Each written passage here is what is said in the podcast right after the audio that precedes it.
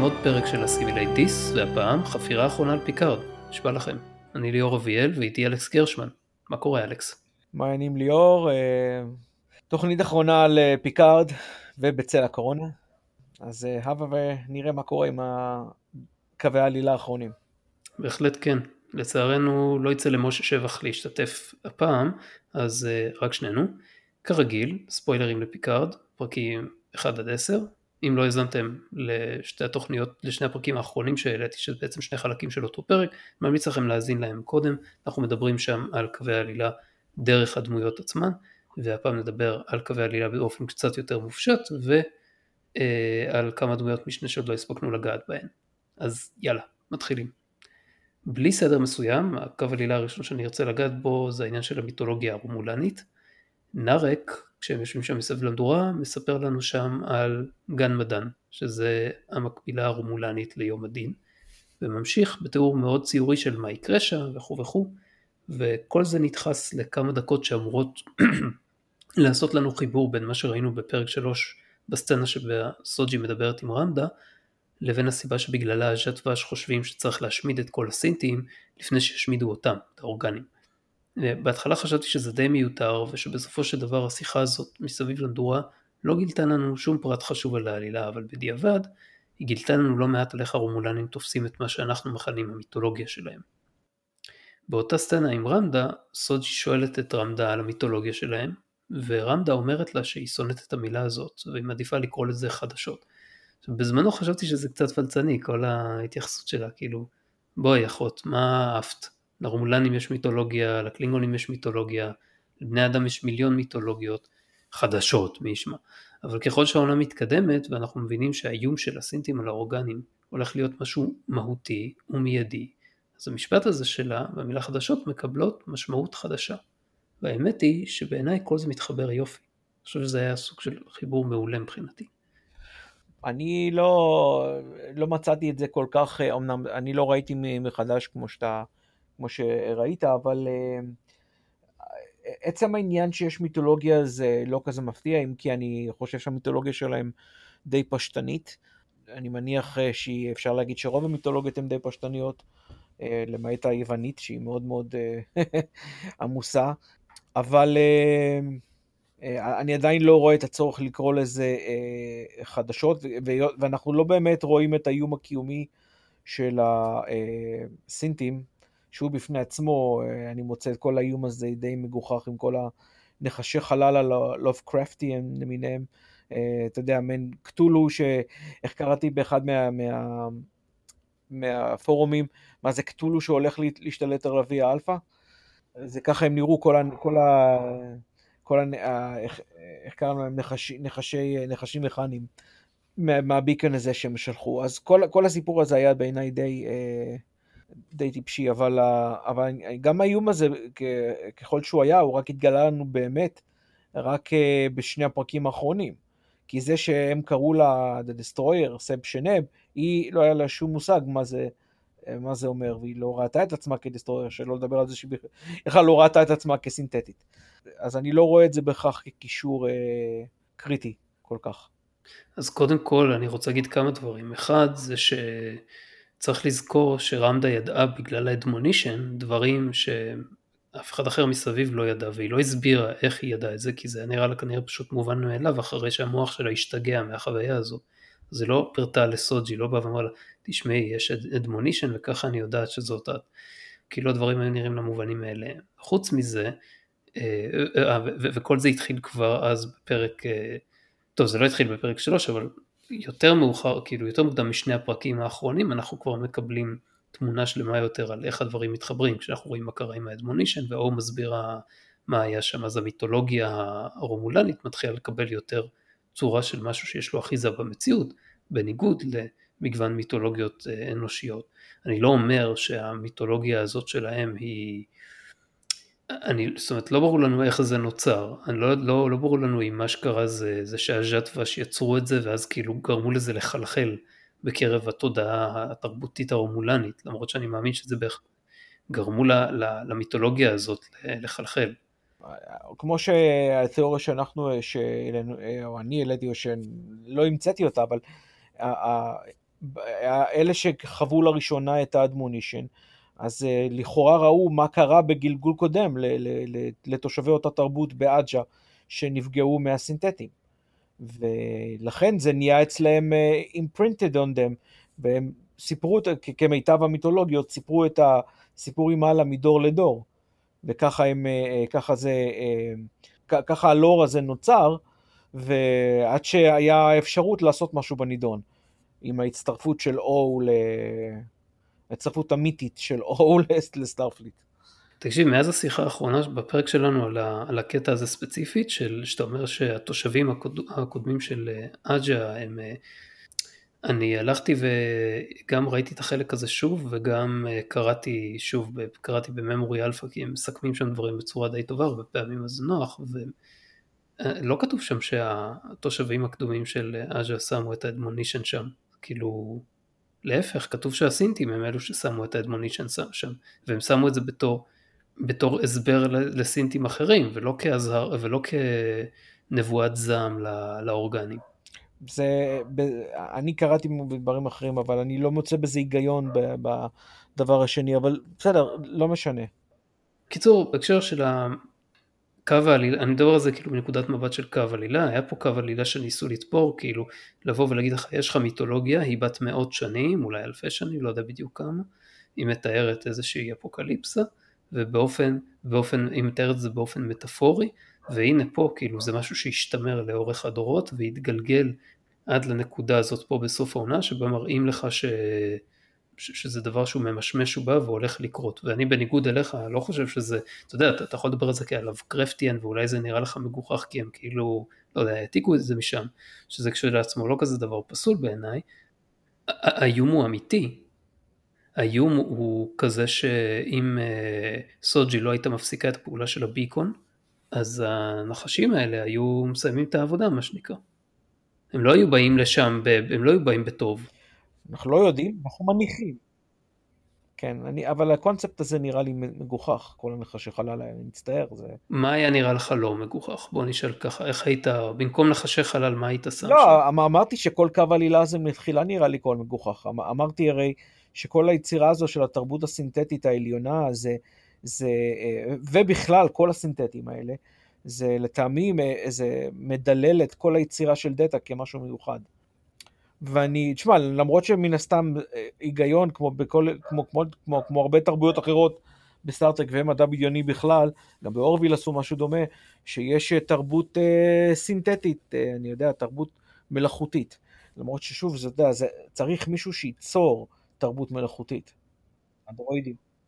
בסדר גמור, מן הסתם כאילו יש שם איזושהי אבולוציה וגם מסבירים לך את זה שברגע שתרבות סינתטית כלשהי עוברת איזשהו סף, כמו שתרבות, אה, כמו שתרבות, אה, לא יודע, אה, אורגנית עוברת סף של וורפ ואז מופיעים לך נציגים של הפדרציה שקולטים את הוורפ סיגנצ'ר הזה ומציעים לך להצטרף, אז תרבויות סינתטיות שהופכות להיות מודעות לעצמן או משהו כזה, מגיעה פדרציית הסינתטים ואומרת להם תשמעו, יש איזשהו קונפליקט פן גלקטי, פן יקומי, לא יודע מה, אה, בין אורגניים וסינתטיים, והדבר הזה מגיע לכדי פיצוץ מדי פעם. בואו תצטרפו אלינו, ניתן לכם, כאילו זה, זה לא קורה בצורה הזאת, כן? איך שזה קורה זה שהם מגיעים, הם מקבלים את האדמונישן, הם כאילו קוראים את, ה, את ההודעה שיש באדמונישן, למרות שזה אומר בעצם שהסינתטים צריכים להגיע אל האדמונישן, ולא שה... ולא שהם צריכים להגיד היי אנחנו פה ושמישהו מהסינטים צריך לקלוט אותם אז מהבחינה הזאת זה טיפה שונה מאיך שזה קורה עם uh, תרבויות פרי uh, וורפ שעוברות את הסף הזה uh, אבל התוצאה היא אותו דבר.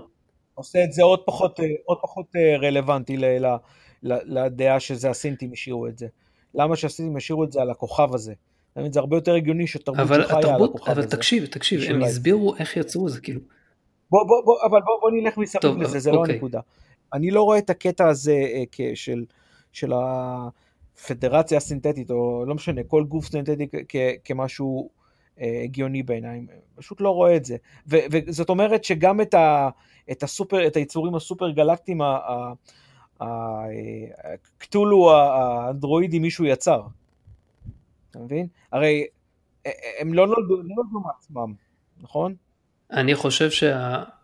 היצורים האלה הם כאילו סוג של גרדיאנס שאיזשהו מין סינתטי ספציפי או הפדרציה הסינתטית עצמה הזאת יצרה בתור השומרים של אה, תרבויות סינתטיות שנמצאות תחת התקפה וברגע שמפעילים את הביקן קוראים לעזרה והם פשוט מגיעים. והם משמידים את כל החיים האורגניים. אה, זה, זה, זה כבר חלק שהוא כשלעצמו, הוא כשלעצמו בעייתי, אבל זאת אומרת אם הם יכולים להגיע ולהשמיד את החיים האורגניים אז למה שלא פשוט יבואו ויעשו את זה בלי, בלי שיזמנו אותם. נכון, זה עוד, עוד overpowering אה, מוגזם, אז אה, בסדר. אולי אנחנו טועים, אולי המשמעות, אולי, אולי כאילו זה, זה פה המיתולוגיה הרומולנית אה, נעצרת, כאילו במקום להשמיד את החיים האורגניים ה guardians האלה רק באים להגן על הסינתטים איפה שהם באותה נקודה, אם זה אומר להשמיד. כן אבל אתה יודע, הקו, הקו הזה ליאור בין להגן על משהו ובין, להרוס, ובין לתקוף משהו הוא מאוד מאוד דק. זה ברור, זה ברור שמנ, שבסדרה הזו מנסים להציג את החזון הרומולני כ, אה, כדבר אה, הרע, וזה לא באמת היה ככה, עד שזה קורה וה, והנחשי חלל אה, עומדים להגיע, ואז אפילו סוג'י מתחלחלת, וכמובן בהשפעה של פיקארד ועוד, אבל, וסוגרת את זה, אבל הם בהחלט נראים מלבלנט. אני לא מסכים איתך. בסדר, אני, אני לא, אני, הקו עלילה הזה בעיניי הוא מטופש. אני חושב שהכל אוקיי. פדרציית אה, הסינתטים, או לא, לא, אתה קורא לזה פדרציה כמו זה, אני לא מתייחס למה שאתה אמרת, אלא באופן כללי לרעיון שלהם לגבי היצורי על הסינתטיים וכל זה, זה נראים לי, נראה לי מגוחך. אני מקווה, ש... אני, אני מקווה שצפייה חוזרת מתישהו בעתיד שלך בסדרה הזאת תשכנע אותך שמדובר בקו עלילה טוב בבסיסו, אם כי אפשר לדבר על הליקויים שלו. קיצר, בוא נמשיך הלאה לנקודות נוספות. באותו, בהקשר דומה. אה, איך, אה, חזרתי אחורה כאמור וצפיתי בפרק, אה, בפרק 3 עם השיחה של סוג'י ורמדה וסוג'י מדברת שם על השיינר, הספינה של הרומולנים שנקלטה על ידי הבורג. שאגב לא ברור לי למה, למה הייתה צריכה להיות הספינה היחידה של רומולנים שנקלטו על ידי הבורג, למה לא היו עוד רומולנים שפשוט נקלטו במקרה על ידי הבורג, אני חושב שזה לא היה משנה. אני. חושב שבהקשר הזה זה דווקא מעניין לציין שאנחנו לא רואים בכל הספינות האחרות, בכל הסדרות האחרות, בתור הזהב של, אה, של הטרק, שלא רומולנים ולא הקלינגונים ולא הקרדסים, לא, אנחנו לא רואים אותם, לפחות לא שאני זוכר, לא רואים אותם מוטמעים. זה נכון במידה מסוימת, אני לא, לא יכול להתחייב כל סצנה וסצנה, אבל קודם כל... אולי בוויג'ר אבל... בוויג'ר אה, אנחנו בפירוש רואים קלינגונים מוטמעים, אני זוכר את זה. אוקיי, זהו, אני, אני, אה, לכן אמרתי אולי בוויג'ר, אבל אנחנו לא רואים את זה בדרך כלל לפחות. למה דווקא רומולנים לא, וכאילו, גם אם, כאילו נראה לי שזה סתם הייתה נקודה מיותרת מבחינתם, זה סתם היה עוד אחת מהנקודות שבהם סטארטרק נוטה להגזים ואומר כל מיני משפטים כמו This is something unseen before by mankind, is some kind of metal which is the strongest as we have ever known. כל מיני הגזמות כאלה שמיותר. זה יותר מרוויל מאשר סטארטרק. כן, זה, זה, לא זה קצת, קצת מיותר. לא חשוב, בכל מקרה, הפואנטה של הנקודה הזאת זה שלא מוסבר לנו איך סוג'י ידעה את זה. כלומר, אנחנו יודעים שסוג'י ידעה כל מיני דברים שהשתילו לה כזיכרונות בראש, שפשוט צצו לה בכל מיני מקרים, כל מיני נסיבות, אבל למה שמי ששתה לה את הזיכרונות ידע את הפרט הזה ספציפית? זה, זה, הרי זה לא שמי ששתה לה את הזיכרונות. איזה, איזה פרט? ש, שהספינה הזו... את הפרט של, של, של הספינה ש, ש, שרמדה הייתה על השיינר ו, וכדומה. כאילו, זה לא שמי שש... אולי אמרו לה את זה, אנחנו לא יודעים אולי זה זיכרון, אולי, אולי היו אמר לה משהו, כי הייתה עם יו, אני זוכר בפרק הזה. אה, אה לא, בעצם רגע, עכשיו כשאני חושב על זה, נדמה לי ש... היא גילתה את זה ברקורדס של ספינת הבורג, ויכול להיות שפשוט עשתה, עשתה את זה באופן בלתי מודע, אני חושב שאפילו יש לה שיחה עם נארק על זה אחר כך. בקיצור, כן, יכול להיות שהיה, שהיה משהו עם זה, אני חושב, כן. בקיצור, כאילו, סתם, למה, למה להשתיל דווקא את הפרט הזה? טוב, לא, זה לא בדיוק קו עלילה, זה סתם כזה נקודה... נקודה צידית שאני, אה, שטעיתי לגביה, אבל נראה לי ש... נראה לי שעניתי לעצמי תוך כדי שאני מדבר על זה. תכף נגיע גם לעוד מה שרציתי לדבר בהקשר הזה, אבל מה בעצם היה הסיפור עם ג'אנה וביוטיפול פלאואר, החבר שלה, שבאו בספינה שלהם ונפגשו עם האבן מג'יד, זאת הייתה החלטה, כאילו הם היו הרי משלחת דיפלומטית, אז האם זאת הייתה החלטה יזומה של הסינטים, או שמדוקס וצונג שלחו אותם, הרי יש להם, ל, ל, יש להם את כל הידע שיש לסונג ומדוקס, הם יודעים על הפדרציה ועל הגזעים האחרים בגלקסיה, למה להתחזות בעצמם לגזע, הם רק כמה עשרות אנשים? הרי ברור שאם הם היו, היו מתפתחים ביניהם קשרים משמעותיים, בין האיבן מג'יד וה, והספינה שלהם, הפדרציה בסוף הייתה מגלה שהם נוצרו על ידיהם. אומרת, אולי זאת הייתה תוכנית של סונג ומדוקס להראות לפדרציה שהסינטים לא חייבים להיות רעים, ולמעשה מתנהגים כן. כמו כל גזע אחר כשנותנים להם את החופש לעשות את זה. יכול להיות, במיוחד אה, עצם העובדה ש... אה, עקב, עקב העובדה, לא עצם העובדה, אבל שאם אה, ז'אנה הייתה אחות של סוטרה, והיא הייתה גם כן מוזהבת, זאת אומרת שהיא נראית כמו דאטה, אז זה משהו שפדרציה, אנשים בפדרציה היו אמורים לזהות, פחות או יותר. אני, אולי גם Beautiful Flower. בוא ניתן להם את ה... ניתן להם את ה-benefit of the doubt שנגיד לא כולם מכירים איך דאטה נראה ואולי זה לא היה קופץ ישר ל... למודעות שלהם, כאילו של קפטן ונדרמיר ושל, ושל ריוס, שוואלה היא דומה אה, לדאטה. יכול להיות, אני רק אה, מעלה, מעלה תיאוריה, זה, זה, אין בזה היגיון. חוץ מזה, אנחנו לא יודעים, שאנחנו לא יודעים אם, אה, אם איך קוראים לו, אם מדוקס היה בקופליוס בזמן הזה, ואם הם באו בכלל מקופליוס. אז מאיפה הם היו יכולים, כולם נוצרו על ידי מדוקס ו- וסונג. אבל אנחנו לא יודעים אם כולם נוצרו בקופליוס. אז איפה הם עוד היו יכולים להיות מיוצרים? בפדרציה היה בן. כן, אבל אולי מדוקס יהיה, אולי, אולי את הזרעים כבר מדוקס יצר בדייסטרום, ולקח אותם מפה. אפילו, אפילו, אם, אפילו אם כן, מה ההיגיון במשלחת דיפלומטית כזאת? כאילו, הם לא גזע. למה לעשות מש... נכון. כאילו... אין בזה היגיון, אתה, זה לא שאלה, אתה, אתה צודק לחלוטין. לא יודע, אני, אני שואל אותך כי אולי אתה עלית פה על משהו שפספסתי.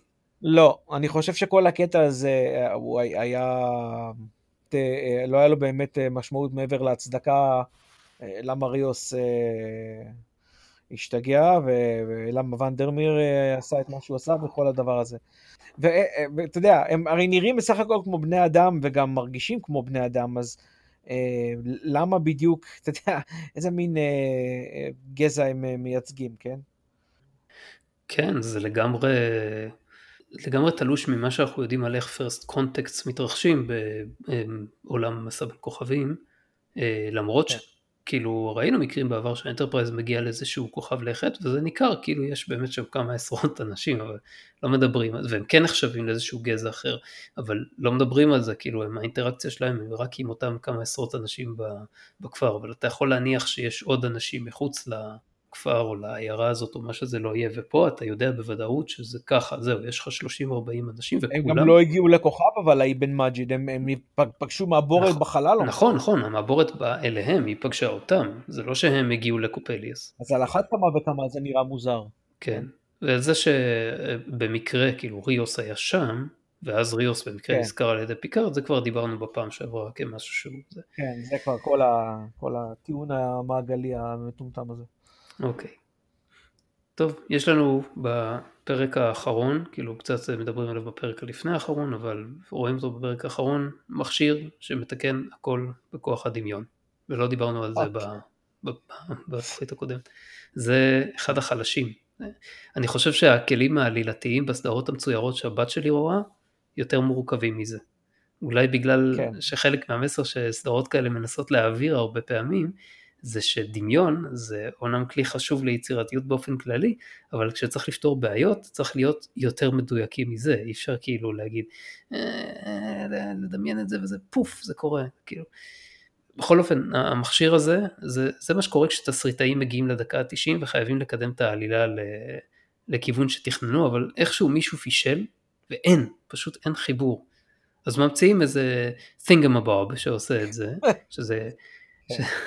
שזה קצת יותר מחובר לעלילה מלעצור את הכל, כן, כזה freeze frame, ואז יש לך פתאום קריינות של שייבון והוא אומר, היי, hey, אני מייקל שייבון ואני כאן כדי לספר לכם שחלק א' בעלילה פשוט זורם לחלק ב', לא מאמינים לי? חבל, הנה זה פשוט קורה עכשיו, ואז טלק, עוברים לחלק ב' של העלילה ופשוט ממשיכים. אז המכשיר הזה של ה, כאילו imagination זה אותו דבר רק עם הרבה יותר פינס.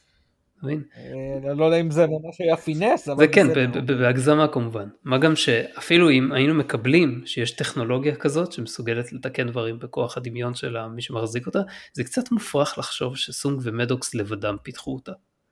כי אנחנו לא יודעים על זה במקומות אחרים בפדרציה.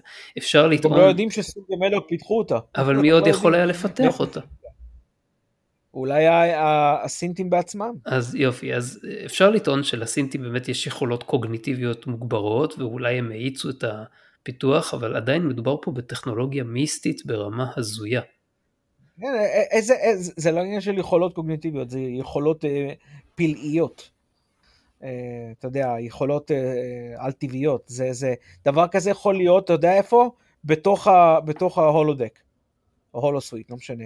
אז יש זה לזה, משהו ש... זה, זה יכול להיות הגיוני רק בתוך ההולודק. או אם זה כלי של למה? קיו. אתה מבין? אה, אין בזה... למה בהולודק? כי בהולודק, אתה יודע, זה יכול ליצור משהו משום דבר. לא, אפילו בהולודק אתה צריך לתאר למחשב לפחות במילים כלליות מה אתה רוצה. נגיד אתה אומר, כמו שברקלי בר- ברקלי עשה בפרק The Nth Degree, אני, אתה יודע מה, באתי להזכיר את זה גם, ליאור, אבל מה הוא עשה הרי בסופו של דבר? כשהמחשב היה איטי מדי בשבילו, הוא יצר ממשק אה, אה, שקורא את, את המוח שלו וגורם לו לראות מה קורה. כן, אבל זה לא, אבל, אבל ברקלי פה הוא הפך להיות יצור מאוד מאוד שונה ומפותח ביחס לסתם בני אדם, נכון. ואנחנו מצפים מאיתנו להאמין שהכלי הזה סוגר את הפער בין בן אדם עם חשיבה דמיונית מאוד מופשטת, לבין פתרון בעולם המעשי.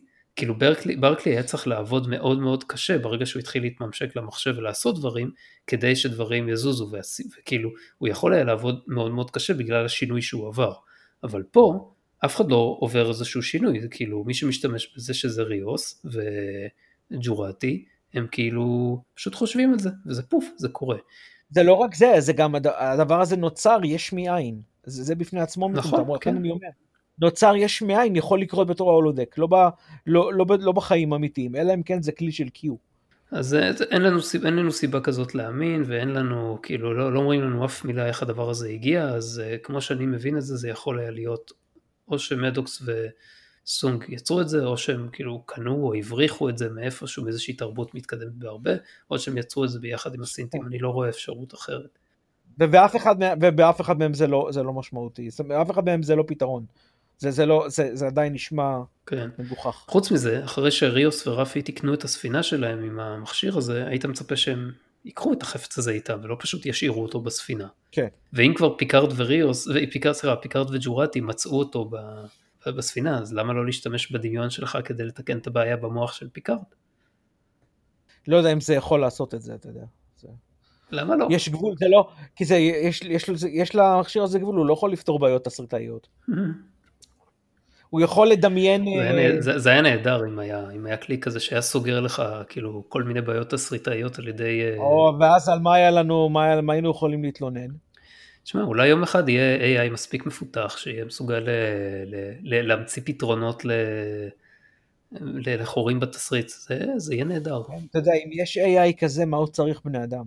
בקרוב כבר, אה, לא, לא, לא, לא בקרוב, אבל אתה יודע, דברים קורים, מוזיקה כבר נכתבת היום על, ידי- על ידי מחשבים, דבר שאתה לא היית מאמין בחיים שיוכל לקרות עד אני לא קורא לדברים האלה מוזיקה באמת. אתה, אבל- אתה יכול להמשיך לא לקרוא לזה, אבל זה, זה עופף אותנו ו- וזה, וזה קורה ואתה לא יודע אפילו כשזה קורה. אה, אני יודע, אבל אה, אתה יודע, יש, יש, אתה, יכול, אתה יכול לדעת מה, לפחות עדיין אתה יכול, בעתיד זה, אני יכול להיות שזה הרבה יותר בעייתי, אבל זה לא משנה, אתה יודע, כל הדברים האלה זה לא דברים חיוביים. זה רק אומר שסקיינט is coming. אה, או שכן או שלא, או שאנחנו, אתה יודע, בכל זאת נצליח לחמוק מהאפוקליפסה. אני, אני יותר אופטימי בכל אופן. טוב, כן, לך תדע אם תגיע לסקיינט אם יש קורונה בדרך. כן. חבל שסקיינט זה לא, חבל שהקורונה היא לא וירוס מחשבים. במקום וירוס אנשים. זה היה כנראה יותר קל לטפל בה. מן הסתם. או שלא. אנחנו כל כך, אה, כבר היום כל כך נסמכים על המחשב בהרבה דברים, שלך תדע מה היה קורה אם באמת היה וירוס כזה ממית ברמה מחשבית. עכשיו אני רוצה להגיד, אה, יש, יש פה עוד נקודה עלילתית שאני מנסה להבין, כאילו פעם ראשונה שר, ש, שראינו את זה על המסך אז כאילו חשבתי שזה, לא הבנתי מה, מה הכוונה שם, פעם שנייה שראיתי אותו דבר, פעם שלישית חשבתי שהגעתי להבנה ואז פעם רביעית שראיתי את הסצנות הרלוונטיות, אז אה, שוב חזרתי חזרה לתפיסה הראשונית שלי. אני מדבר על ההקרבה לכאורה של פיקארד בסצנה האחרונה לפני שהוא מת. פיקארד אומר שם לסוג'י שהוא ייתן להם, לסינטים, משהו שיגרום לה לשנות את דעתה ושזה יהיה את חייו. עכשיו, באיזה אופן בדיוק הוא הקריב את החיים שלו? זאת אומרת, הוא היה אמור למות בכל מקרה. אוקיי. נכון? כן. זה, זה לא... כן, לא הבנתי בדיוק מה, מה זה היה, אין, אין לי מושג מה הוא הקריב.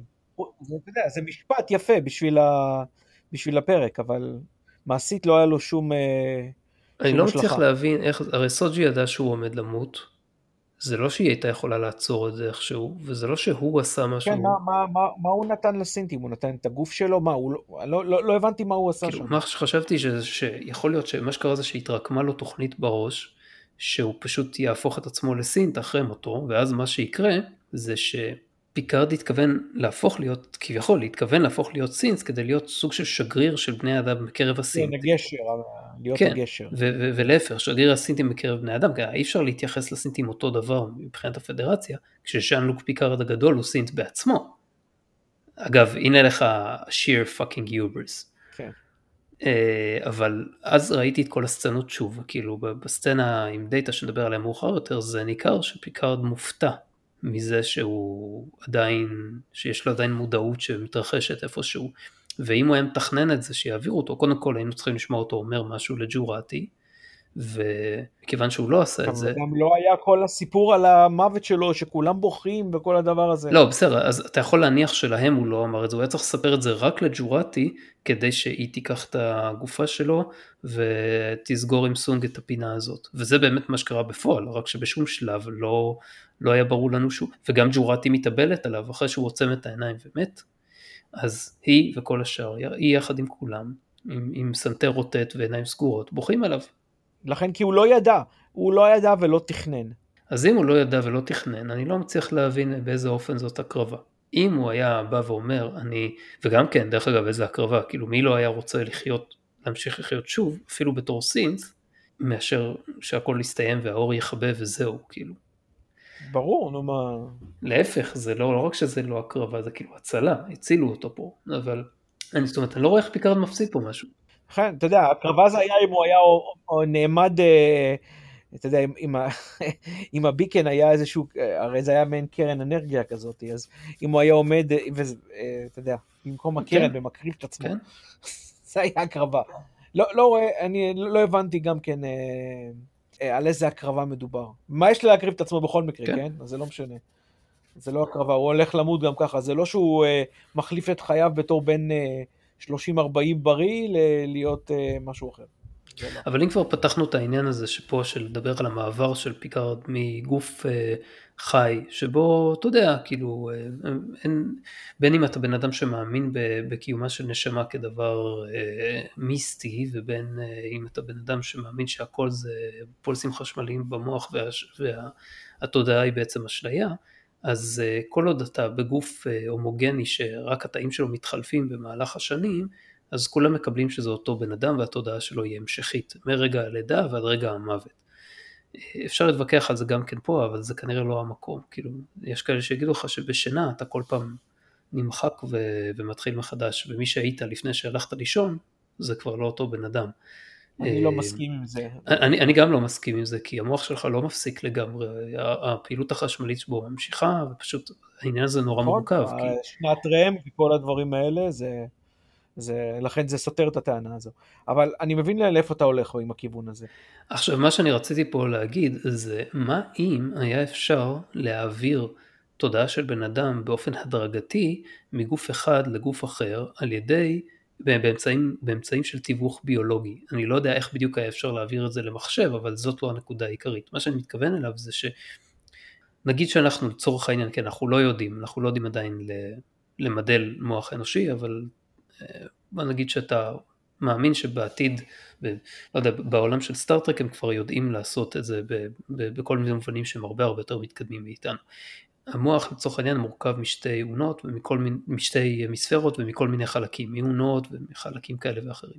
מה אם היית יכול לאט לאט לצרף למוח חלקים, נגיד המספרה שלישית, שבאופן זמני היא תהיה מחוברת לשתי המספרות האחרות, יהיה לך כלי דם ויהיה לך זרימה של אה, נוירונים וכל הדברים, יהיה לך תקשורת וזה, ואז אתה מוסיף המספרה רביעית, ואז יש לך כאילו כבר ארבע, ארבע המספרות לצורך העניין, ואז אתה מוריד את המספרה המקורית הראשונה, ואחרי זה אתה מוריד את המספרה המקורית השנייה, ואתה נשאר עם המספרות שלוש וארבע, ואז בעצם התודעה שלך אף פעם לא shut down בשום שלב, כאילו עברה באופן הדרגתי ממוח אחד למוח אחר. עכשיו, על אותו משקל, במקום לשים מספרות ביולוגיות לגמרי, אתה בונה איזשהו מודל מספיק מדויק, ממוחשב של המוח האנושי, ומממשק אותו להמיספרות הראשונה והשנייה. וככה באופן הדרגתי אתה מעביר את התודעה בלי שהיא נכבית בשום שלב. אתה לא סתם מעתיק את הזיכרונות, אתה לא יוצר עותק, אתה כאילו יוצר המשכיות. עכשיו, אם זה מה שעשו עם פיקארד, אז אני יכול לקבל את זה שהוא בשום שלב לא באמת מת. זו התשובה שלי למה שמשה טען בפרק הקודם, שלדעתו פיקארד מת, בגלל שהגוף המקורי שלו מת. אז אה, חתיכת אה, אה, מסה הרבצת פה. אה, זה, בהרבה מה שתיארת זה, אתה יודע, זה הזכיר כאילו אתה עושה RAID עם ארדיסקים, ואתה יודע, ומשליך, לא זוכר איזה RAID זה, אבל אתה יודע, אתה משליך את החומר על הארדיסקים האחרים. אה, אז זה, יש בזה איזשהו היגיון אה, מסוים. אבל uh, אני רציתי עוד ללכת אחורה למה שאמרת, כי כשדיברנו לגבי התודעה, הרי יש, השאלה הגדולה, באחת מהשאלות הגדולות בשיגור, היא מה קורה כשאתה מפרק ומרכיב בן אדם? איך אתה מפרק ומרכיב את, את, את התודעה שלו, את הנשמה שלו? אתה יודע, כל הדברים האלה.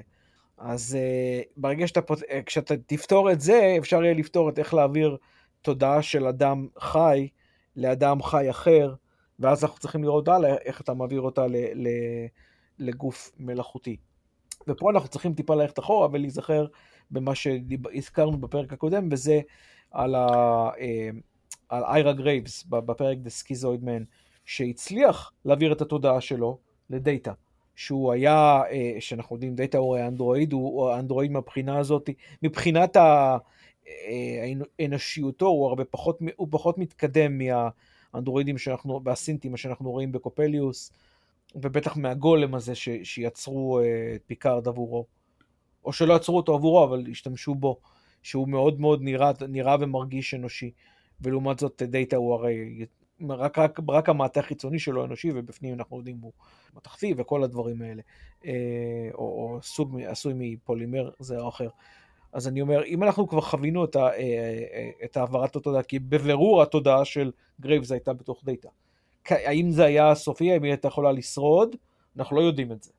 ולכן אנחנו לא יודעים אם, אם מעבר מתוחכם ככל שיהיה לגוף מתוחכם ככל שיהיה, האם הוא יכול לשרוד. זה, וזה מה שיש לי להגיד על זה. הבנתי מה אתה אומר. אה, או לפחות אני רוצה להגיד שהבנתי, אבל באמת הנושא הזה מורכב ואין לי, אתה יודע, אין, אין שום תשובה ברורה לאף אחד בנושא הזה, כי אנחנו לא מספיק מתקדמים בתחום הטרנס-הומניזם כדי לגרד את פני השטח האלה.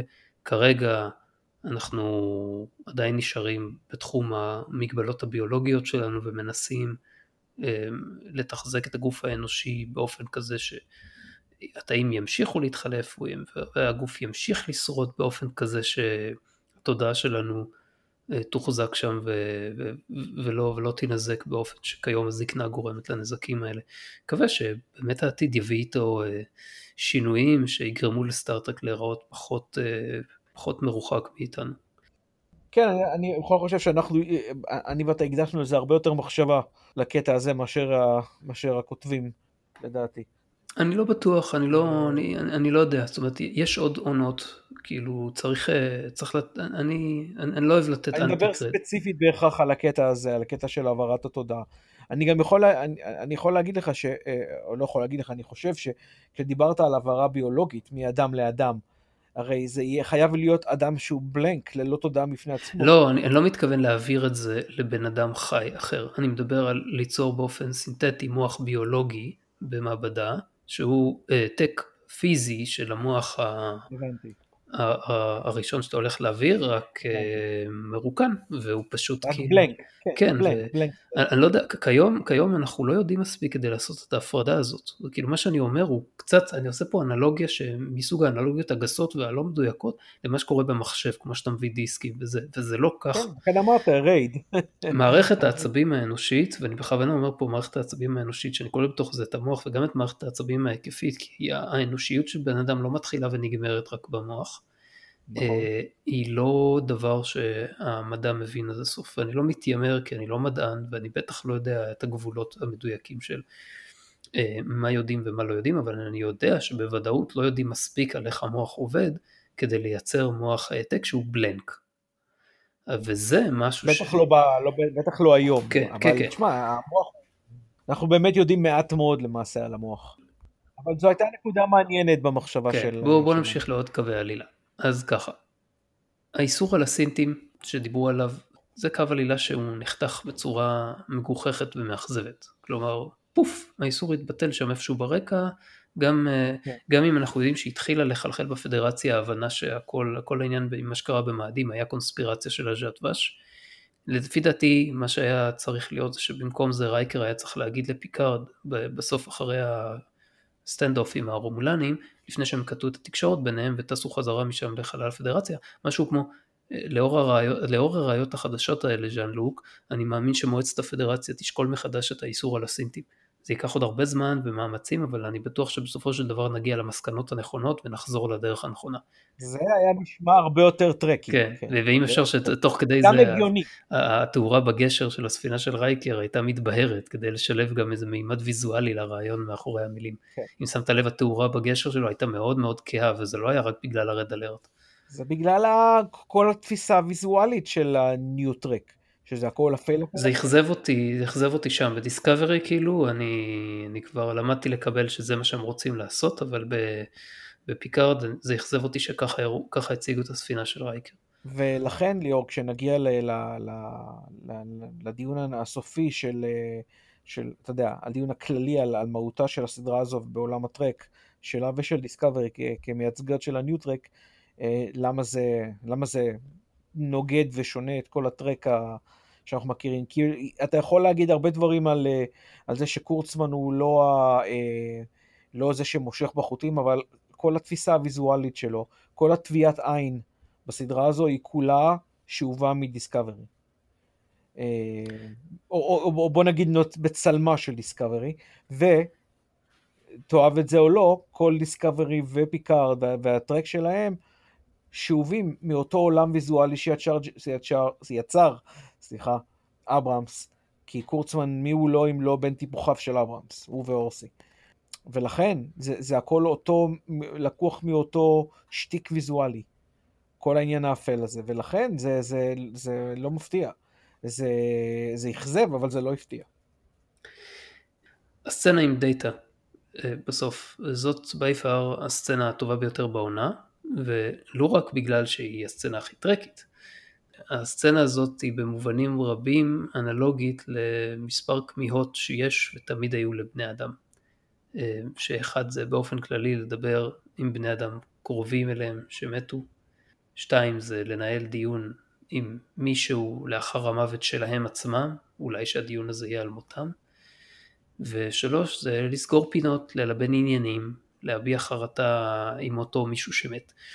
ובמקרה הזה של הסצנה הזאת זה קורה בין שני אותם אנשים, בין פיקארד ודאטה, ולמרות שזה מובהר כבר בתחילת הסצנה שזה לא מוות במובן הקלאסי, אנחנו עדיין מקבלים שיחה שהיא אה, דומה למה שהיינו מצפים שאנשים שמתו ינהלו. זאת אומרת, מה שקורה זה שפיקארד מתחיל שם בכך שהוא חושב שהוא חולם, ודאטה מבהיר לו שזה משהו אחר.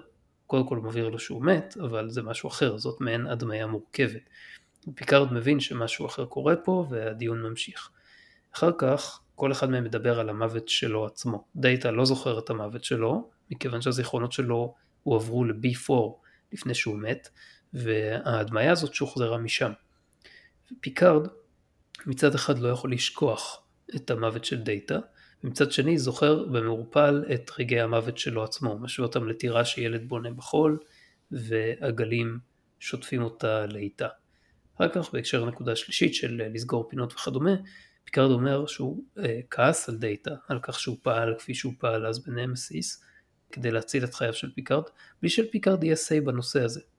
ודאטה משווה את זה לאיך שפיקארד אה, הקריב את עצמו למען סוג'י ושאר הסינטים, ששוב זה מתקשר למה שדיברנו עליו קודם, אנחנו כרגע לצורך הדיון אני מקבל שהייתה פה איזושהי צורה של הקרבה, ואז דאטה שואל אותו אם הוא מתחרט על זה. אגב, איך דאטה ידע על זה? כאילו מה, הוא... דאטה היה מודע? דאטה היה מודע לכל השיחות שהיו וכל הדברים האלה? מישהו הזין לו את המידע הזה פנימה? חייב להיות שמישהו הזין, כי אחרת זה אומר שהוא היה קיים באיזושהי דרך חיצונית. מה, הוא נמצא במערכת הכריזה של קופליוס? או ב... לא יודע, לא, לא יודע מה להגיד לך, אולי הוא מחובר שם לווי-פיי ואז הוא כאילו כן, מקבל את הכל אה, ב broadcast, אין מושג.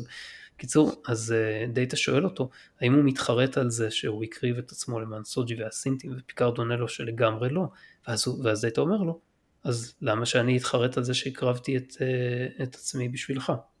עכשיו, אני, עזוב שספציפית אני יכול לתת כמה טיעונים ללמה שני המקרים האלה שונים. ו... במיוחד שאנחנו נגיד... לא יודעים מה פיקארד עשה. כן, אבל נגיד שאנחנו מקבלים שהייתה פה איזושהי הקרבה, כן. אז קודם כל פיקארד רצה לעצור קטקליזם אה, פן גלקטי פה, ואתה יכול לטעון שזה די שווה את החיים של בן אדם, במיוחד כזה שאו-טו-טו הולך למות ממילא. כן. ובמקרה של דאטה, אז דאטה הציל כאילו רק את פיקארד. זה לא נכון, הוא גם כנראה הוא הציל יותר מזה. לא, הוא, הוא הרי, כן, הקורב, לכאורה הקרבה שלו היא הרסה את הסימיטר ומנעה את ההשמדה של כדור הארץ ועוד חברות בפדרציה, בפוטנציאל.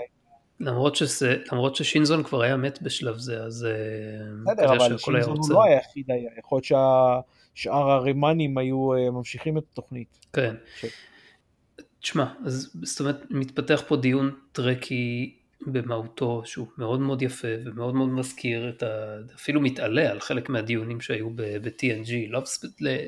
אה, לא ספציפית עם דאטה, אלא באופן כללי דיונים שהיו לפיקארד עם דמויות אחרות. לא, לא יודע אם ב top 10, אבל הוא כאילו בהחלט אה, גבוה מאוד שם. הבעיה היחידה שיש לי עם הסצנה הזאת היא המסקנה של דאטה.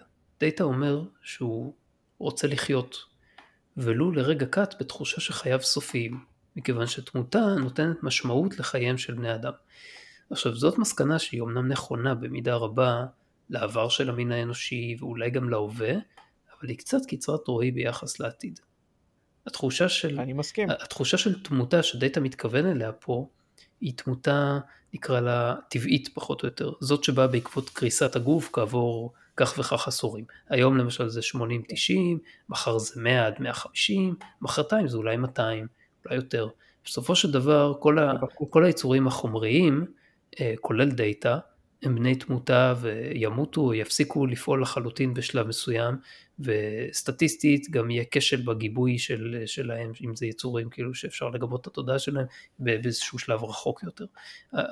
המחשבה שמישהו צריך למשוך את התקע ושהכל ייגמר רק כדי שבשניות האחרונות שלך אתה תבין מהות מהי היא לא פחות מאווילית בעיניי. והדוגמאות שהוא נתן שם... היא מאוד רומנטית אבל היא, היא, היא לא רלוונטית. כן, אה, הדוגמאות שהוא נתן שם לאהבה, שלווה וחברות, נדמה לי שזה מה שהוא אמר שם, שהן יכולות לקבל את המשמעות שלהן, הם, הוא אומר שהן צריכות לקבל את המשמעות שלהן רק עם תמותה, אני טוען לא, הן לא צריכות את החרב המתנופפת הזאת של המוות מעל הראש. ויותר מזה, המשמעות הזאת שאנשים נותנים לדברים כמו אהבה, שלווה, חברות וכדומה בחיים שלהם, זה משהו שיכול להשתנות. זה משהו שנגיד, לא יודע, בהיותך בתיכון אהבה הייתה, הייתה לך איזושהי תפיסה אולי רומנטית אה, מושפעת מהורמונים לגבי מה זאת אהבה. אחרי זה שהתבגרת קצת זה משהו אחר. כן. אולי אחרי זה באיזשהו שלב נהיית ציני יותר לגבי זה. אה, אתה, אני לא חושב ש...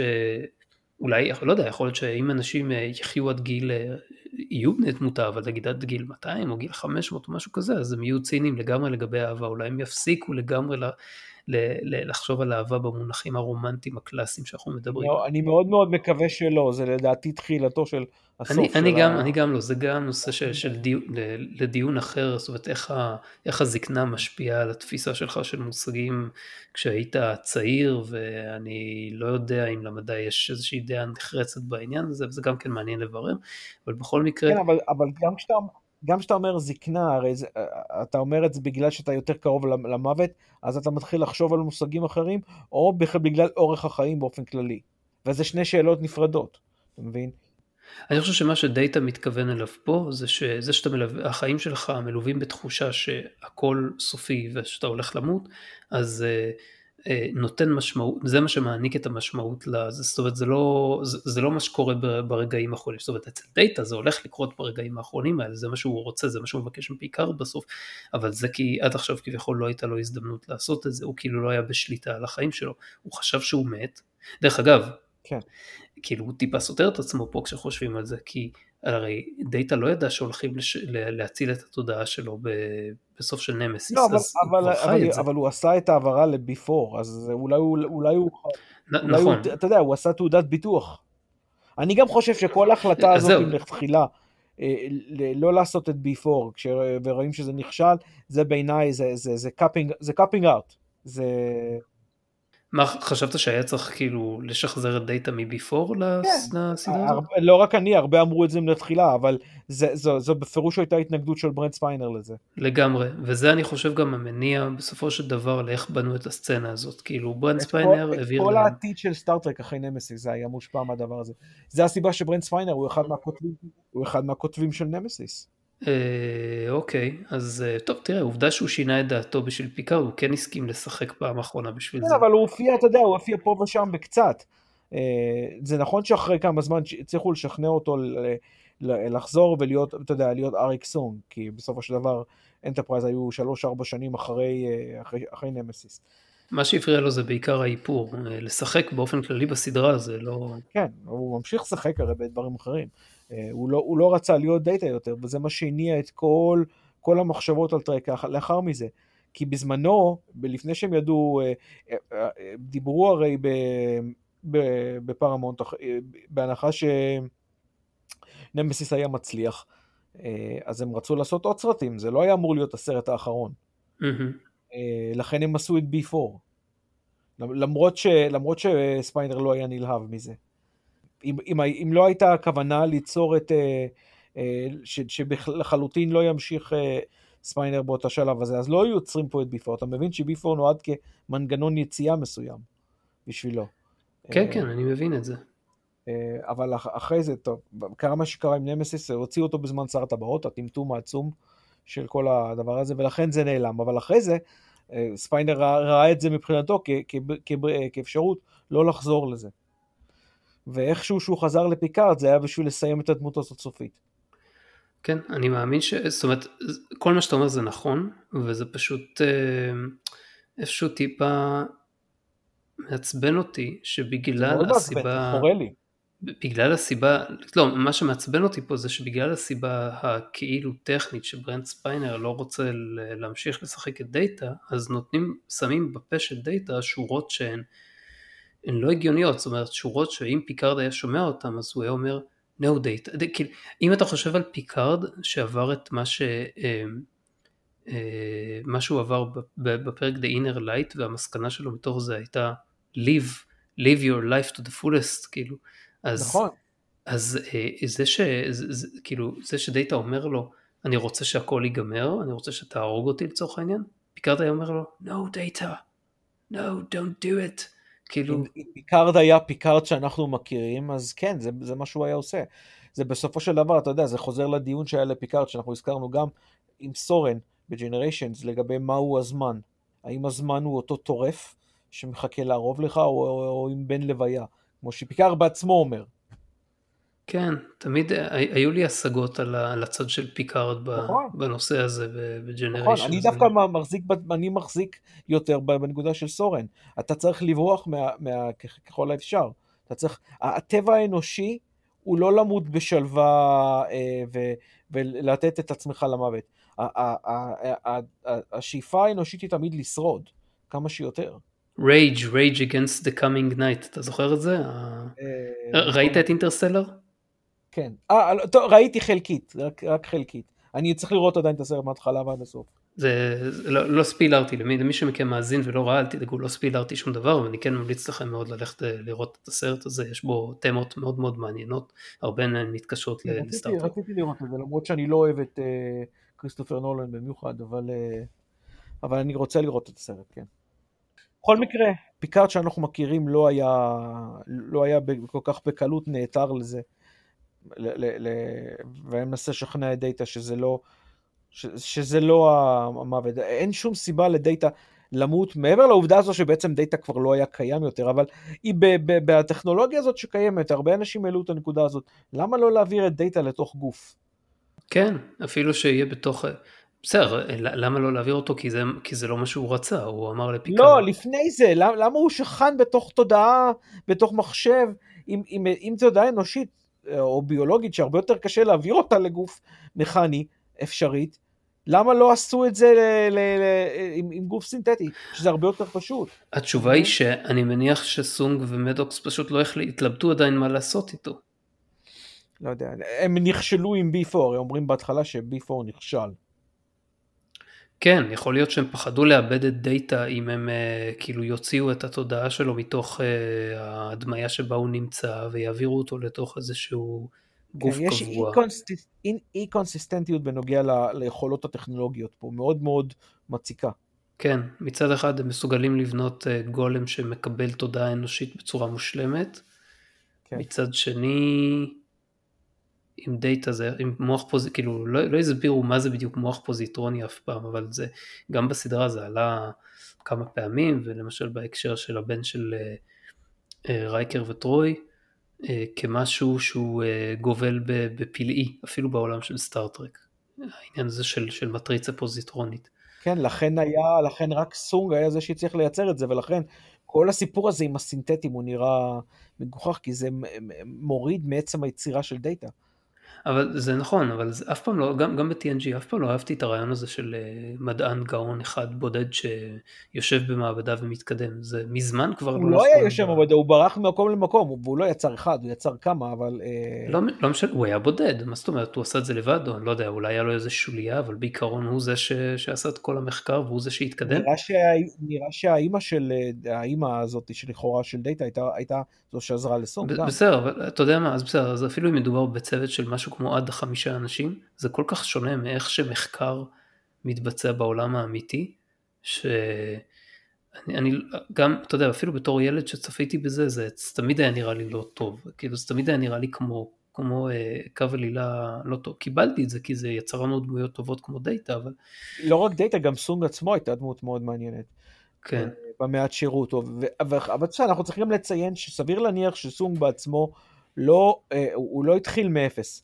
הוא, אתה יודע, הוא, איך אומרים, ישב על כתפי ענקים, אם הוא ישב במקרה הזה על, על, על, על כתפיו של, של איירה גרייבס.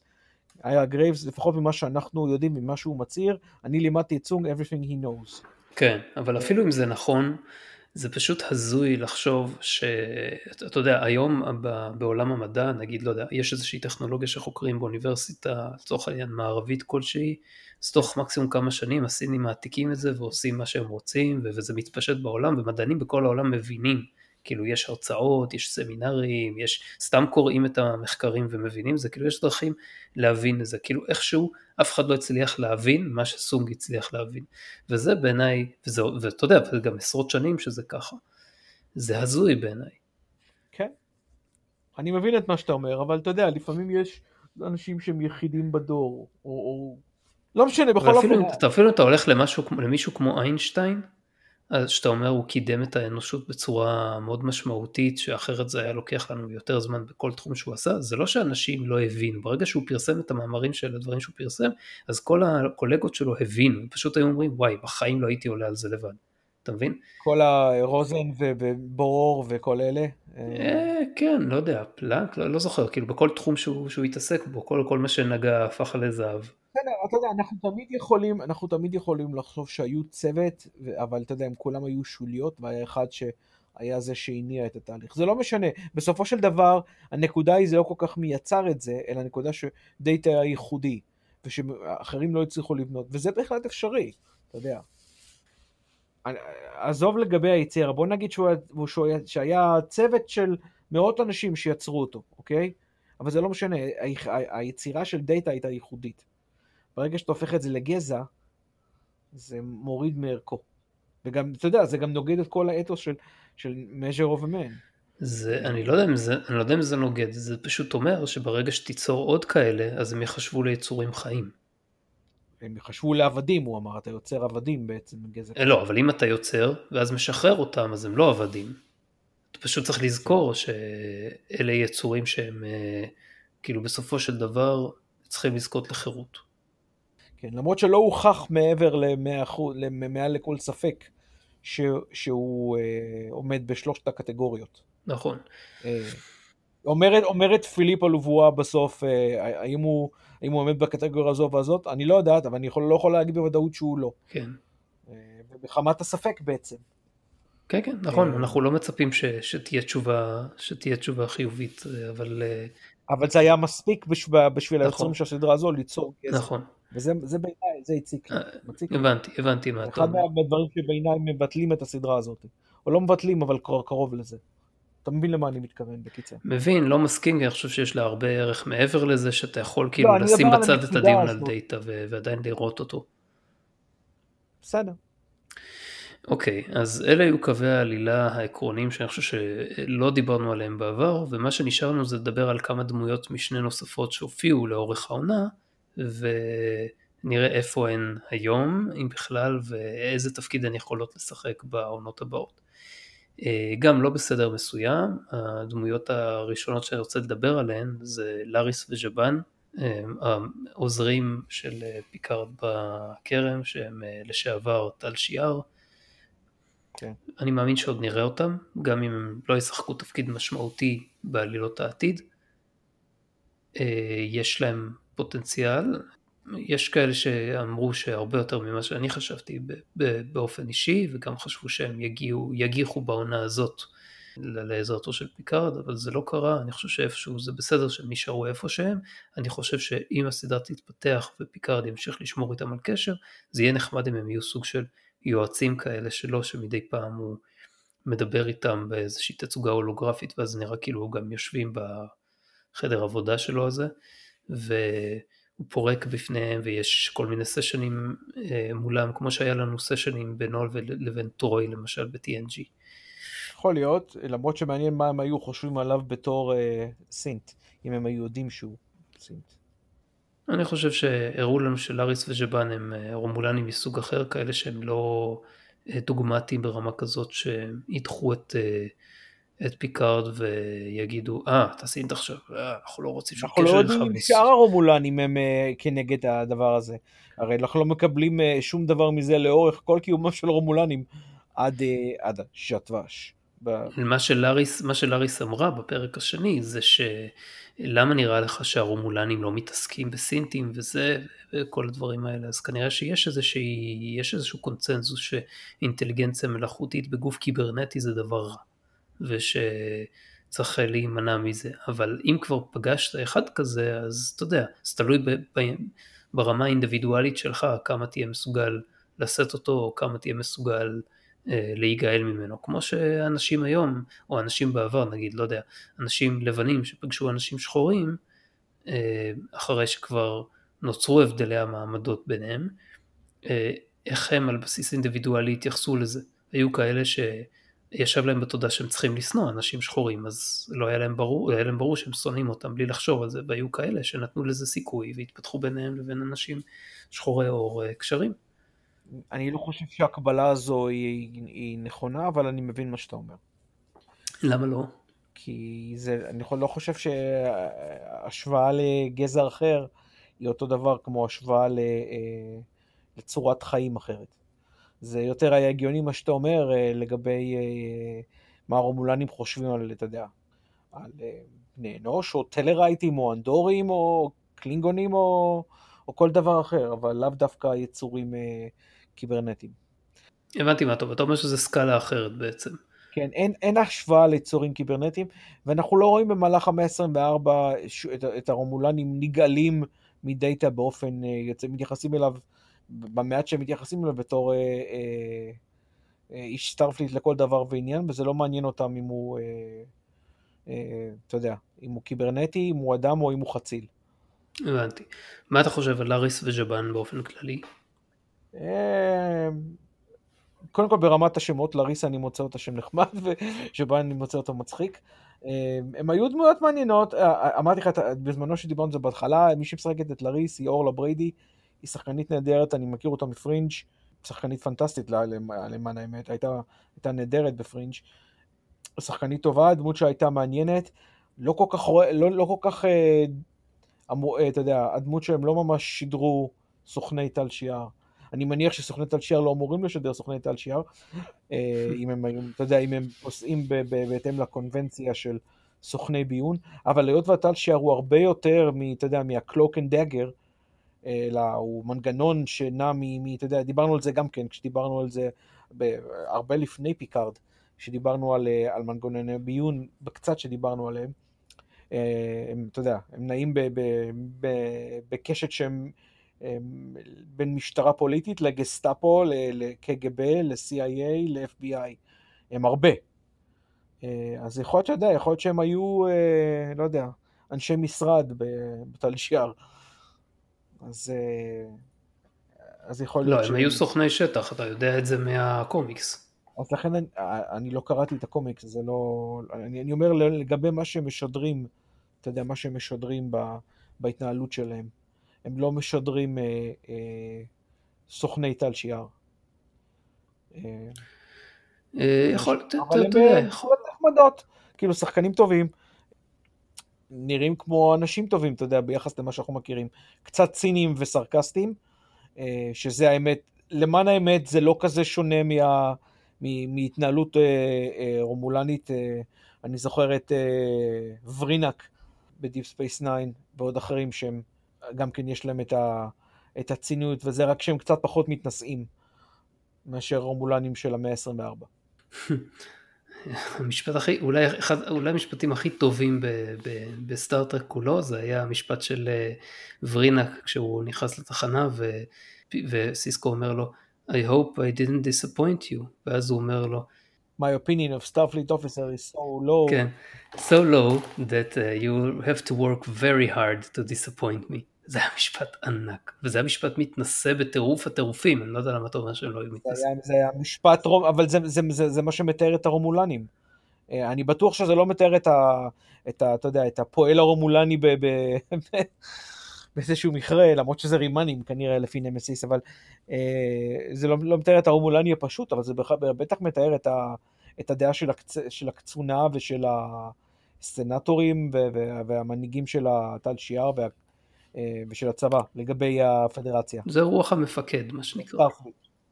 אה, יותר מרוח המפקד, זה, זה, זה, לא רק, זה לא רק עניין של משהו מוכתב, זה ככה הם באמת מרגישים. אז זה, זה בהחלט היה, זה אותו דבר כמו, עם, עם, כמו שמשפט דומה לזה, זה משפט של קובל, למרות שאנחנו בדיעבד, מצטער, ספוילרים לדיפ ספייס 9, למרות שאנחנו יודעים בדיעבד שקובל הוא סוכן של סקשן 31, אבל שהוא פוגש את בשיר ו... אה, והוא אומר לו לגבי, ה, הוא אומר לו אחד מה platitudes הרגילים, אה, אה, אני שמח לראות אותך, זה טוב, טוב לראות אותך, והוא שואל אותו קובל למה. הוא אומר, אה, it's just a, a you know, צורת התבטאות, והוא אומר לו, אה, וחסרת, וחסרת משמעות כמו כל צורות ההתבטאויות האנושיות האחרות. כן. אותו סוג של התנסות רומולנית קלאסית. אוקיי, בוא נעבור לדמויות נוספות. היו, יו שיחק תפקיד די משמעותי בחלקים של העונה הזאת, וזה היה נחמד לראות אותו כ-throwback מהפרקים שבהם הוא הופיע ב-TNG.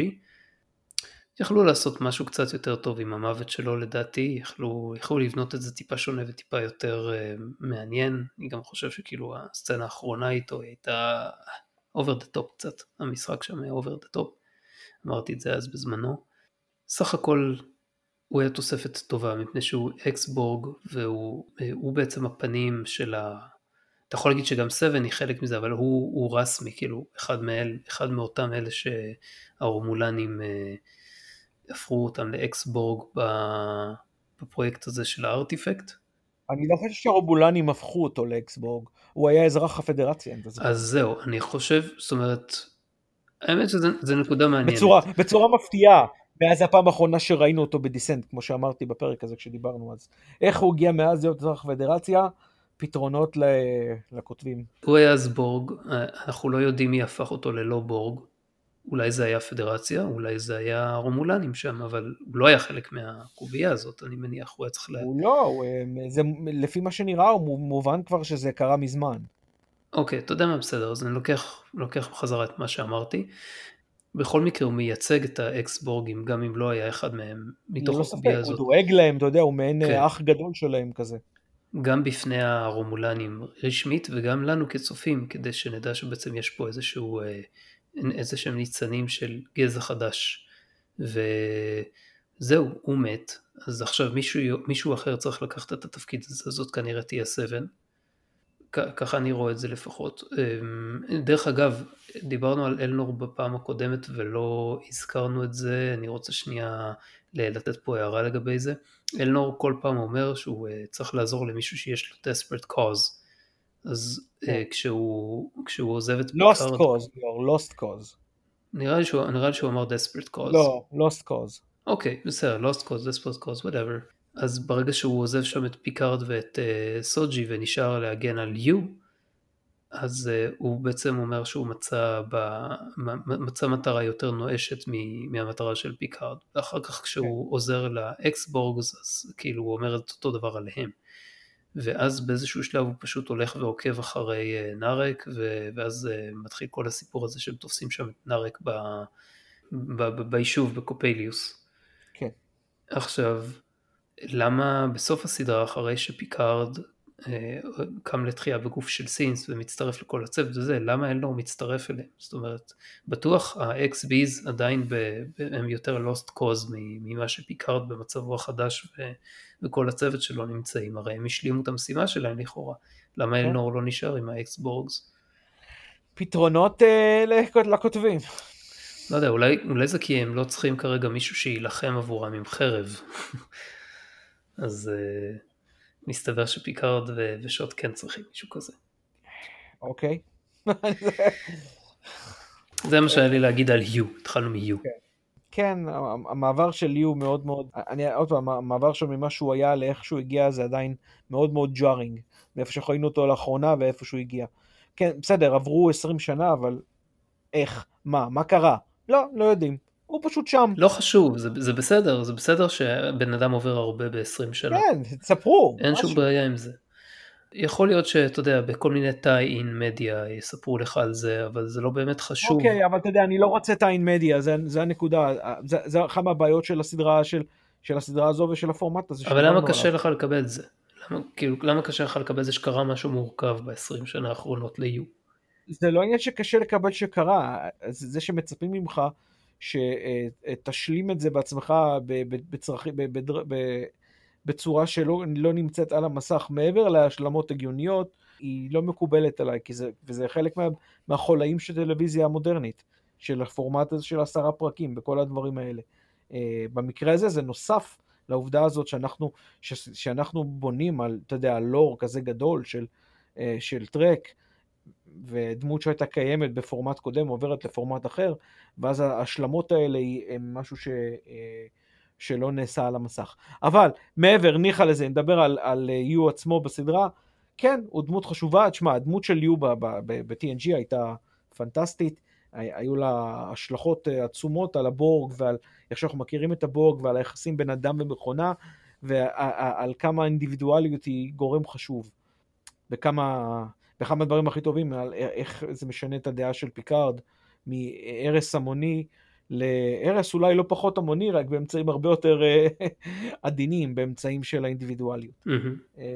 אז כן, יו היה, היה אדיר ב-TNG. פה יש לו משמעות בגלל ה-XBs וכל העניין הזה, אבל זה לא, הוא לא משדר לי את יו של הסדרה ההיא, כי מן הסתם הוא מבוגר אותו וכל הדבר הזה, הוא נראה כמו בן אדם עם אותם שת, שתלים אה, כמו של 7, סצנת מוות מיותרת, גם כן עם כל ה... מה שהזכרת, גם עניין של משחק, אבל גם הדרך להראות את כל, ה... את כל הסכין, הוא מת על ידי סכין, אתה יודע, דיברנו על החרב של אלנור, הוא מת על ידי הסכין של נריסה. כן, אני שמחתי לראות שהוא אמור להופיע, אבל אני יותר מרגיש שהקטע הזה של ה-XB זה, זה סוג של אלוזיה לכל מיני אה, אה, אולי אה, פצועי מלחמה או משהו כזה, וטרנס שעברו פגיעות ואיך החברה מתייחסת אליהם בצורה לא חשובה מספיק. מעניין, אני לא יודע למה, אבל האנלוגיה הזאת לא עברה לי בראש, ועכשיו כשאתה אומר את זה, זה ממש ממש ממש בולט לי. כן, זה מה שחשבתי כשראיתי את ה-XBs. אז זה לגבי, לגבי היו. אוקיי. Okay. בוא נדבר על רייקר וטרוי, למרות שגם כן כבר דיברנו עליהם בפרק ב... טיפה, דיברנו עליהם ממש טיפה ובעקיפין, לא ממש על המשמעות. אה, כשדיברנו על הפרקים. כן, כן, כשדיברנו על, על, על, על בפרק של נפנצי. טוב, פה רק על רייקר אולי בצמד הפרקים האחרונים, או בפרק האחרון. כן. יכול להיות מעניין אם הוא יופיע שוב, אבל אני ממש מקווה שלא יטחנו את הדמות שלו, שלא, שלא יצוץ שוב ושוב ושוב, זאת אומרת, אולי מתישהו כקמיו, אולי מתישהו כסוג של אה, איש סוד לפיקארד או משהו בסגנון הזה, אה, ואותו דבר. יכול להיות, אה, תשמע, אני שמחתי לראות את, רייקר בראש צי, כן? אבל כל הדברים האלה שהזכרנו מסביב, אתה יודע, התאורה, הספינה האפלה, הפוף שהם הופיעו וחזרו, הספינות הבלתי, הבלתי, אתה יודע, הגלימפס הזה על הספינות המצועצעות, ה-CGI הדי... זול משהו אה, שנראה, או, או אתה יודע, מאוד מלאכותי לפחות, לא זול, אבל מלאכותי, אה, איך שהוא נראה, לא יודע, זה, זה גרע מזה. תשמע, רייקר, אתה יודע, דמות, אחת מהדמויות הכי אהובות עליי, אני אוהב אותו יותר מאשר אהבתי את פיקארד ב-TNG, דיברנו על זה גם. אני, תשמע, אותי הוא מעניין הרבה יותר מכל הדמויות האחרות ב... בסדרה הזאת, אז הייתי שמח לראות אותו כמה שיותר, אבל אני מבין מה שאתה אומר לגבי זילות הדמות שלו, זילות ההופעה שלו. אז... אני לא אומר שהייתה זילות, אל, ת, אל, אל, אל, אל תקצין לא, לשם. לא, אתה אומר שאתה לא רוצה שתהיה זילות. אני אומר שאני חושב שרייקר, כאילו, זה די היה ברור שיש לו את המקום שלו במקום הזה שם בנפנטי, זה שהוא קם והחליט לחזור לסטארפליט, נתון לו תוך יומיים פלוס מינוס אה, מינוי על צי ענק, והוא חזר לכשירות, כן. זה סתם לא היה סביר, אבל... אני לא יודע מה, מה התוכניות לעשות איתו, גם יש כל כך הרבה הודעות בכל מיני קבוצות בפייסבוק ובכל מיני מקומות שאני קורא שאומרים לעשות סדרה נפרדת על כל אחד וזה משגע אותי, יואו, סטארטרק רייקר, סטארטרק 7, סטארטרק יו, סטארטרק, למה שלא יעשו סדרה כן. הזאת? ועל זה, בואו נעשה סדרה על ה... על השומר מספר 12 בהווייטים בפרק ההוא של TOS שמת אה, בצורה גנרית לחלוטין, היה לו המון פוטנציאל, זה לפחות שמונה עונות של סדרה. אתה יודע שבזמנו האמת שכן דיברו על, על משהו עם רייקר, כי הוא הפוך להיות הקפטן של טייטן, אה, ויש סדרת ספרים של אה, טייטן, שיש שם עוד, עוד דמויות שהכרנו פה ושם, כמו דוקטור סלאר מ The Schizoid Man, שנמצאת על הספינה הזאת, ועוד כל מיני דמויות. אה, אז דיברו דווקא על זה בהתחלה, אני מדבר הרבה הרבה הרבה הרבה הרבה לפני הרבה שנים. הספרים זה בדיוק המקום להרחיב על, על, אה, על דמויות כאלה שיש אנשים שרוצים לראות מה קורה איתם, אבל סדרות, כן. prime time זה לא המקום, חבר'ה תרדו מזה, כאילו כל אחד רוצה שיעשו לו סדרה. טוב, על... גם פיקארד היא לא סדרת prime time יותר, אה, ברגע שזה סדרת... פיק, אבל, אבל פיקארד לפחות היא דמות מספיק, מספיק מרכזית כדי שתצדיק לעשות עליה סדרה. עוד פעם, אני כבר דיברנו על זה בעבר, זה לא היה כוס ה Earl Grey שלי לגבי איך הייתי רוצה לראות את סדרת סטארטרק הבאה, את סדרת הדגל. כן, אני לא רוצה לראות סדרה שמבוססת על דמות גדולה ככל שתהיה, לפחות בראייה אנשים מסוימים. נכון. ולמרות שאני, אתה יודע, למרות שקירק זה הקפטן האהוב עליי, לא הייתי רוצה לראות סטארטרק קירק. נכון, okay. כי, אוקיי? כי אתה יודע, ראינו מספיק על כל מה שאנחנו צריכים לדעת על קירק. גם עם שטנר לפני 20 שנה, אוקיי? לא עכשיו. כן. כן? לא הייתי רוצה לראות uh, סטארטרק קירק. לא, זה, זה פשוט לא, אני לא אוהב את האינדיבידואליזם הזה. למרות שבדיעבד, אם אנחנו כנים עם עצמנו, פיקארד, כמו שדיברנו, הוא לא תופס את הנפח המרכזי של, ה, אה, של הסדרה הזאת, כמו שאנשים חושבים מעצם זה שהשם שלו הוא ה-forerunner של הסדרה. נכון, נכון, וזה בעצם, אה, זאת הייתה הפתעה לטובה מבחינתי שם, אבל אנחנו רואים שגם דברים הם קצת חורקים כשבונים את העלילה, כשמצד אחד יש לך ללא ספק. דמות באמצע, ומצד שני אתה רוצה שזה יהיה עדיין טרק ואתה רוצה שזה יהיה אה, מסעות בחלל וזה, זה פשוט לא יכול להיות ככה אם, אה, נכון, אם, זה לא עובד. אם, אם אנשים עובדים לכיוון של איזושהי, אה, איזושהי משימה ספציפית. אוקיי, אז לגבי טרוי ורייקר כאמור, אז קאמאוז נחמד, פשוט פיתחו קצת, זה כיף לראות. כן, פיתחו קצת את הדמויות שלהם שם יותר מעבר לסתם שלום שלום, ולא יודע, אולי יפתחו את זה עוד באיזשהו, עוד פעם, איזה ספר או קומיקס או מה שזה לא יהיה. היה כיף, היה, היה, היה, שמחתי לראות שהם, אתה יודע, הם זוג ביחד ויש להם ילדים, אבל כמובן הם היו חייבים להרוג ילד, ודיברנו כן. על זה, וזה בעיניי, אה, לא היה שום צורך בעניין הזה, וזה מעיד על האפלוליות שקיימת בכתיבה המודרנית. וכן, אבל תשמע, היה כיף לראות, אתה יודע, אה, יש, אה, יש, לא יודע אם זה עדויות, אבל יש בהחלט בהקשר ל- לרייקר וטור, אני אגיד שדמויות נוספות מ-TNG אה, יצוצו בעונה הבאה, ושלא ראו אותם עכשיו, כי שומרים אותם, רוצים, אתה יודע, בפינצטה. כן, זה אחלה, זה בסדר גמור, אני מבין את זה, כל עוד הם לא יהפכו להיות לדמויות מרכזיות ויגררו את הסדרה לסטארטרק reminiscing TNG. אה, אתה יודע מה, אני מעדיף לראות סטארטרק reminiscing TNG מאשר לסדרה הזאת, אבל באמת, אתה לא מעדיף לראות עלילות חדשות? אם כבר, לא של חדשות? פיקארד, לא, לא, של מה ש, לא של מה שראינו בסדרה הזו. אם רוצים סדרה חדשה שמורכבת מדברים חדשים, בסדר. אבל אם אתם מביאים את סטארטרק פיקארד, ואז מקיפים אותו בדבר, באנשים האלה מסביבו, שפשוט לא כל כך מעניינים, והסדרה הזו היא לא, אתה יודע... אם ייקחו צוות חדש לגמרי, של, אה, שהוא טרקי, ו- ויעשו יעשו סדרה חדשה, אז סבבה, כן, אשמח לראות את זה. אף אחד מהדברים האלה לא קורים באמת בסדרה הזו. זה לא סטארפליט וזה כל הדברים האלה, אתה יודע. אז, אבל אם אתה כבר מביא אנשים, לפחות תשתמש בהם. אוקיי, מבחינתי הגענו לסוף אה, גם רשימת הדמויות המשנה, יש לך עוד מישהו להוסיף? לא, לא באמת אה, מישהו ש... שאפשר אה, לה- לאזכר אותו. איזה מילה על אדמירל קלנסי אולי? אה, המקללת? תשמע, אולי יש לה משהו, לך תדע, אני יודע, אולי... תשמע, אה, זה, זה די ברור שיש לה איזשהו קשר לפיקארד. אה, אומ- אומרים לו, אומרים בכל מיני, אפשר, בכל מיני אה, אה, פעמים, your pal, קלנסי או משהו כזה, אה, או your friend או משהו כזה, זאת אומרת שהם היו איזשהו חלק מגוף מתפקד ביחד, או, או, כל משהו, או משהו דומה לזה. כי מן הסתם כשהוא היה אדמירל הוא פחות פיקד על, על ספינות והיה יותר במטה, בהיותו, אתה יודע, flag officer ולא line officer. היא, היא, היא, היא כרגע Head of Starfleet, אז אה, יש להניח שכל. היא Head ה- of CNC אני חושב, או משהו כזה בתוך, בתור סטארפליט. אוקיי, אה, אבל אה, זה די ברור מהיחס שלהם שהם עבדו ביחד ושהוא מכיר אותה. אני לא אומר שהיה משהו מעבר לזה, למרות שלך תדע. לא חושב שהיה ביניהם משהו רומנטי אם לשם אתה רומז. אני, אני יודע מה, אני לא סותר את זה, אני רק אומר שזה, הם אה, לפחות היו חברים באיזשהו, אה, או, או, או עמיתים, קרובים. זה מה, ש, זה, זה מה שאני אומר, וזה זה הוזכר ב, בסדרה מדי פעם. תעבור ותראה שזה מוזכר. אוקיי, אה, אז תשמע, אני יודע, אדמירל אחד הראו ואת קומודור או, זהו, אין כן. יותר אנשים.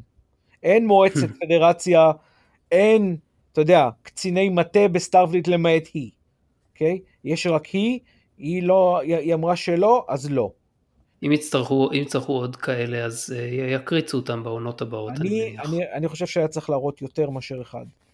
אה, וזה זה בעיניי מציק לי, זה פוגם באמינות של היקום הקיים.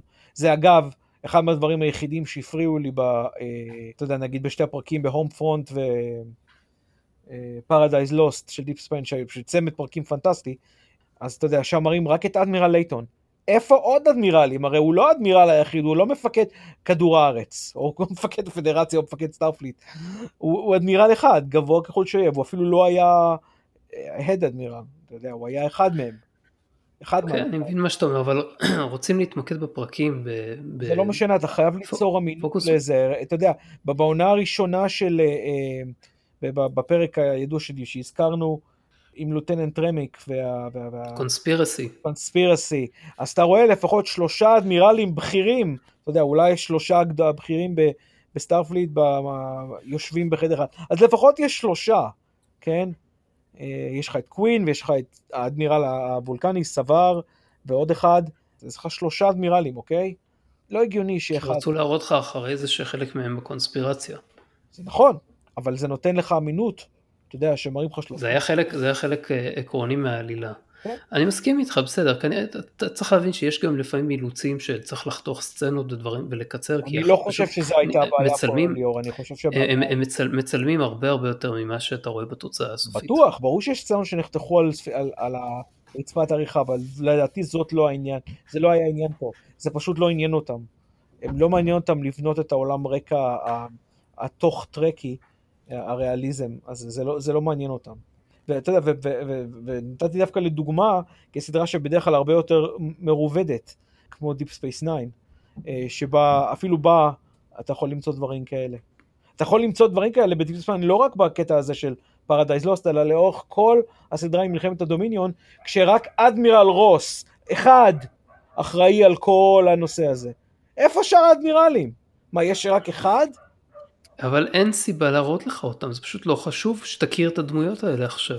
זה חשוב שיזכירו אותם אתה לפחות. יודע, ש, אתה יודע שיש. עוד דמויות, אתה, אתה יכול להשלים את זה בראש, יש עוד אדמירלים. אתה מבין, אז אתה יכול להשלים את זה בראש, אבל כשלא רואים שאף אחד אחר, לא אפילו לא רואים, לא משמיעים, לא מדברים, לא רואים, אתה יודע, כתוב באיזשהו מקום. זה בעיניי פוגם באמינות. אבל ב Deep Space 9 אתה יכול לחיות על זה, עם זה, כי הסדרה היא כל כך עמוקה ומרובדת. פה, הרבה פחות. אוקיי. טוב, הגענו לסוף התוכנית. מבחינתנו זה היה פרק סיכומי לעונה הזאת של פיקארד, ובהמשך, בפרקים הבאים אנחנו נחזור לפורמט של לדבר על נושא כלשהו, פלוס דיון על פרק. אה, אנחנו זמינים כרגיל ב Podbean, ספוטיפיי, Apple Podcast ובשאר אפליקציות הפודקאסטים הנפוצות.